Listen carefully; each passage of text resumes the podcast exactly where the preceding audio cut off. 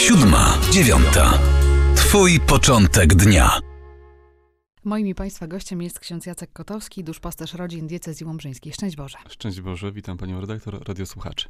W piątek będziemy obchodzili Dzień Dziecka Utraconego i chciałabym, żebyśmy porozmawiali dziś o tym ważnym i, i bardzo trudnym e, też temacie, sprawie. Jak ważne jest dla rodziców e, dziecka, które, które zmarło przed narodzeniem, to pożegnanie się z nim. E, Pani redaktor, o to trzeba byłoby zapytać na pewno e, psychologów, którzy towarzyszą rodzicom i są specjalistami. E, Z tego, co ja słyszałem w wykładach, w jakich uczestniczyłem, czy z moich rozmów właśnie z takimi specjalistami, mówią, że pożegnanie jest bardzo potrzebne, ponieważ pozwala przejść do następnego etapu żałoby. A tych etapów jest pięć bodajże, jak wymieniają. I kiedy mama pożegna dziecko, kiedy widzi, no, no niestety utraciła i kiedy widzi, że był pogrzeb, y, że jest trumienka, że jest ceremonia, czyli godnie jest dziecko pogrzebane, że później jest grób, y, to mama może już nie zaprzecza, tylko po prostu przechodzi do następnego etapu żałoby. Y, I to jest bardzo ważne, żeby mieć świadomość, że dopełniłam, czy dopełniliśmy wszystkiego, żeby pogrzebać nasze zmarłe dziecko. To jest ten pietyzm, o którym, mówi, o którym mówimy. Jeżeli no tego zabraknie, to gdzieś to później ciągle wraca, że mogliśmy zrobić więcej.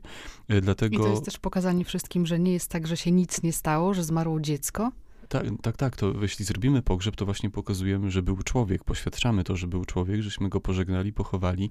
Ja cały czas jeszcze y, tłumaczę rodzicom, że powinni zabiegać o dokument z Urzędu Stanu Cywilnego, akt urodzenia, akt zgonu, bo wtedy dokładnie mają w ręku dowód, że mieliśmy dziecko, y, że pogrzebaliśmy je, no bo niestety zmarło, ale po prostu był człowiek. I jeszcze w tym świecie, w którym cały czas toczy się dyskusja, walka o na przykład życie też dzieci nienarodzonych, jeżeli my będziemy z szacunkiem chowali dzieci, które zmarły przed narodzeniem, niezależnie od czasu trwania ciąży, to my też pokazujemy wtedy jako Kościół, czy jako społeczeństwo, że uznajemy godność tych dzieci poprzez liturgię, poprzez prawo, e, po prostu poprzez ekonomię, zabezpieczamy ich godność. Był człowiek, no niestety go nie ma, bo odszedł za wcześnie, ale zrobiliśmy wszystko, żeby go godnie pożegnać i uszanować małego człowieka. A jakie są e, regulacje prawne? Kiedy rodzice mogą zabrać ciało dziecka ze szpitala? Panie redaktor, tak naprawdę w każdym, na każdym etapie ciąży, jeśli nastąpi, nie daj Boże, poronienie, to rodzice mogą zabrać i pochować swoje dziecko. I też chcę tutaj powiedzieć, że najwięcej zrobił profesor Zbigniew Religa, który zmienił zapis w ustawie o cmentarzu, grzebaniu zmarłych, y, gdzie napisał, że za zwłoki uważa się ciała osób zmarłych i dzieci martwo urodzonych i zapisek pana profesora religii, niezależnie od czasu trwania ciąży. I tak naprawdę to zdanie, ten fragment zdania pozwala walczyć o godne pochowanie y, swojego dziecka, które odeszło za wcześnie.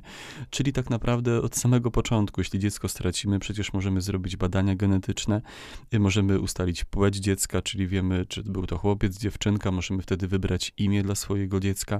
Y, Na każdym etapie ciąży możemy to dziecko pochować i możemy zrobić to sami, albo jak w niektórych diecezjach się dzieje, czy miastach, y, czy chociażby w naszej łomżyńskiej diecezji, y, możemy zostawić ciało dziecka i szpital, który ma, wszystkie szpitale w sumie naszej diecezji, które mają przyjęte procedury postępowania z mamą po poronieniu, zabezpieczą ciałko tego dziecka i zostanie pochowane w grobie dziecka utraconego. Mamy osiem takich grobów. A lekarze o tym informują rodziców? Jak to wygląda z księdza praktyki? E, Pani redaktor, ja chcę wierzyć bardzo mocno, że tak jest, że e, nasi lekarze, że e, położne potrafią stanąć z empatią przy mamach, udzielić im informacji, podać odpowiedni dokument, że potrafią im z empatią po prostu towarzyszyć. Czuję, że jest dobrze, ale gdzieś nieraz, no niestety słyszę sygnały, że taka mama spotkała się no, z taką trochę obstrukcją y, personelu, czy z taką surową miną, czy z lekkim uśmiechem. Y, Apeluję do wszystkich i bardzo proszę, żeby każdy z nas y, stanął naprawdę z takim współczuciem przy mamie i zrobił wszystko, aby udzielić jej odpowiedniej wiedzy, aby wiedziała krok po kroku, jak postąpić w przypadku poronienia. I to towarzyszenie jest bardzo ważne, czy to duchownego, czy to położnej, czy lekarza. Y, To jest zawsze dziecko dla matki, dlatego uważam, że niesamowicie ważna jest wrażliwość w każdym z nas, żeby umieć takim rodzicom towarzyszyć. A jak wygląda ceremonia pogrzebowa dziecka zmarłego przed narodzeniem? Pani redaktor, to się też zmieniło na przestrzeni lat, bo wcześniej e, były tak zwana, była praktyka e, pokropku tak zwanego. To no, było to trochę taka namiastka liturgii. Uważam, że bardzo mało. W 2011 roku w naszej diecezji biskup Stanisław Stefanek jednym dekretem to wszystko zmienił i dzisiaj z racji takiego pogrzebu odprawiana jest msza święta, chociaż tak naprawdę ona nie jest konieczna, bo msza jest przebłaganiem za grzechy, które popełniamy wskutek uczynków. Dziecko takich grzechów uczynkowych po prostu nie ma. Natomiast jest msza święta, są szaty koloru białego, jest modlitwa za rodziców, którzy utracili dziecko. Ksiądz idzie z rodzicami na cmentarz. Tam jest również trzecia stacja i liturgia pogrzebania ciała takiego dziecka.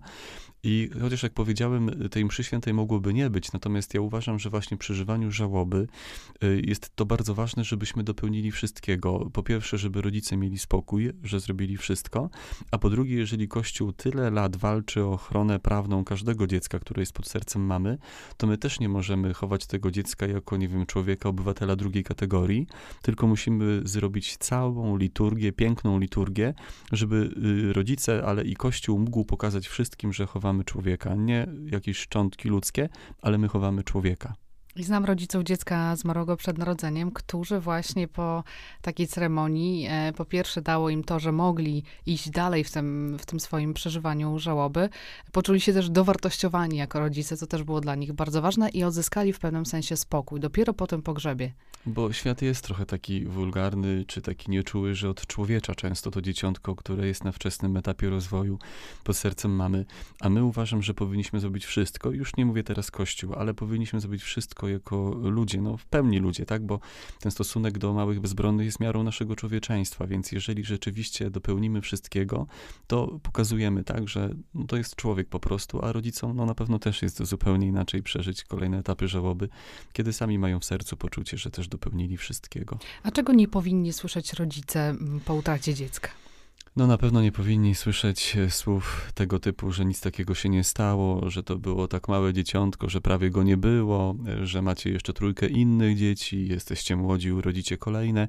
To są takie słowa pseudopociechy i one padają e, nie ze złej woli, ja myślę, że bardziej z niewiedzy, że albo z takiej nieumiejętności towarzyszenia nawet, że chcielibyśmy, no nie wiem, siostra tak, czy koleżanka utraciła dziecko i chcielibyśmy teraz jej coś powiedzieć, jakoś towarzyszyć, a sami nie bardzo wiemy co, no i szukamy takich słów pseudopociechy. Ja natomiast, y, no myślę, że te słowa w ogóle nie powinny paść i księżom to bardzo często tłumaczę, żeby w kancelarii parafialnej nigdy takich słów nie używali, bo to wcale nie przynosi ukojenia. Lepiej wtedy jest chyba po prostu być z taką mamą, z takimi rodzicami, nie silić się na wielką teologię, na wielką psychologię, nie wiem, nie próbować jakoś tego wytłumaczyć, bo ja też myślę, że i pani, i pewnie nie jeden psycholog czy lekarz nie wie, dlaczego to się stało. Medycyna wielu poronień po prostu nie potrafi wyjaśnić, dlatego określa je samoistnymi.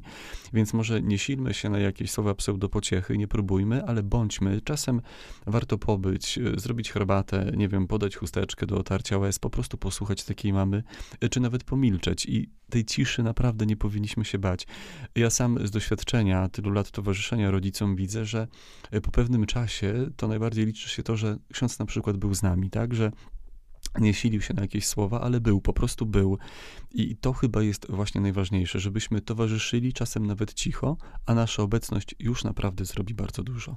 W Polsce jest coraz więcej grobów dzieci e, utraconych w diecezji łomżyńskiej też. E, tutaj dzieło księdza e, Jacka bardzo duże, ale mm, przy tych grobach dzieci utraconych pomnikach gromadzą się ludzie, którzy stracili dzieci 10-15 lat temu, kiedy jeszcze było zupełnie inne podejście do tego tematu. Tak, bo to na przestrzeni lat się zmieniło zmieniło. Sam Dzień Dziecka Utraconego w Polsce jest obchodzony dopiero od 2004 roku, y, więc y, ta świadomość powoli wzrasta. Kiedyś być może takiej świadomości nie było, pewnie i mniej było informacji w szpitalu. Prawo też inaczej traktowało, przecież 22 tydzień ciąży określał, czy mamy człowieka, czy nie mamy. Wcześniej jeszcze waga 500 gram określała dziecko, albo po prostu, no nie wiem, jakiś płód, prawda, tak nazywaliśmy y, dziecko, więc to się, to się bardzo zmienia na przestrzeni lat.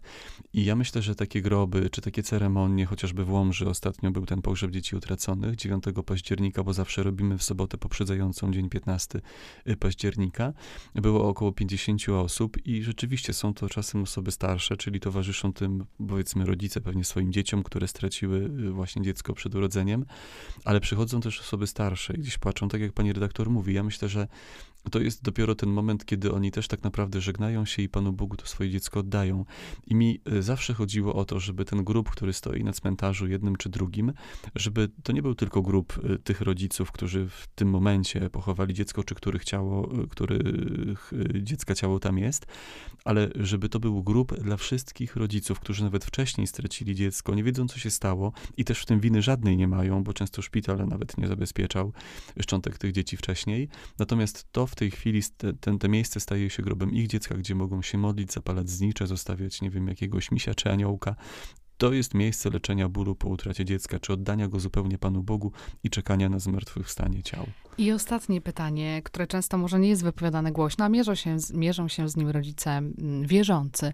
Czy dziecko, które nie było chrzczone, może być zbawione? Może być zbawione. Jest nawet dokument Międzynarodowej Komisji Teologicznej, który mówi y, o właśnie zbawieniu tych dzieci, bo pani redaktor, y, zanim jakieś może będziemy się silić na wielką teologię, to nawet takie ludzkie serce, prawda, y, sam umysł nam podpowiada, że no jaki ten Pan Jezus by był, gdyby dzieci, które no, umarły bez własnej winy po prostu, bez niczyjej winy, że, gdyby nie przyjął ich po prostu do nieba, gdzie jest Boże w ogóle miłosierdzie, prawda? A przecież jak czytamy Ewangelię, to słyszymy, jak Jezus brał dzieci na kolana, jak je błogosławił, przytulał. I teraz no, ten sam Jezus miałby powiedzieć, ty nie wejdziesz do mego królestwa. To, to w ogóle nawet nie możemy, nam przez myśl nie przechodzi, prawda? I ta świadomość, kiedy w ogóle dzisiaj wzrasta, to i Kościół się wypowiada, no prawie jednoznacznie, tak, że dzieci po prostu, które umarły bez własnej winy, bez nawet sakramentu sztu są zbawione. Yy, mówi to na bazie i powszechności zbawienia, bo Jezus przyszedł zbawić wszystkich ludzi, tym bardziej też te dzieci.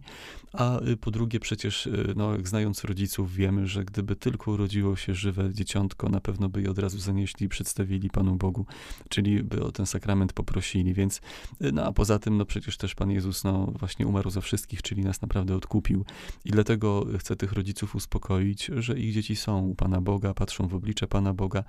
I często cytuję słowa świętej pamięci biskupa Stanisława, wielkiego przyjaciela rodzin, który do tych rodziców, kiedy się z nimi spotykał, często mówił, że pewnie pytacie Państwo, jak się modlić za Wasze dzieci. Módlcie się przez ich wstawiennictwo, bo one dzisiaj są u Pana Boga, patrzą Mu w oczy, w twarz i na pewno Wam i innym dzieciom w tym Waszym żyjącym rodzeństwu wypraszają potrzebne łaski. Jestem pewny, że nam wszystkim, jeśli walczymy o godny ich pogrzeb, czy o, w ogóle obronę życia, to jestem pewny, że te dzieci dużo mogą i rodzicom, i, i Kościołowi, i duszpasterstwo rodzin naprawdę wyprosić. Ksiądz Jacek Kotowski, duszpasterz rodzin diecezji łomżyńskiej, był moim i Państwa gościem. Dziękuję bardzo. Dziękuję bardzo. Siódma, dziewiąta. Twój początek dnia.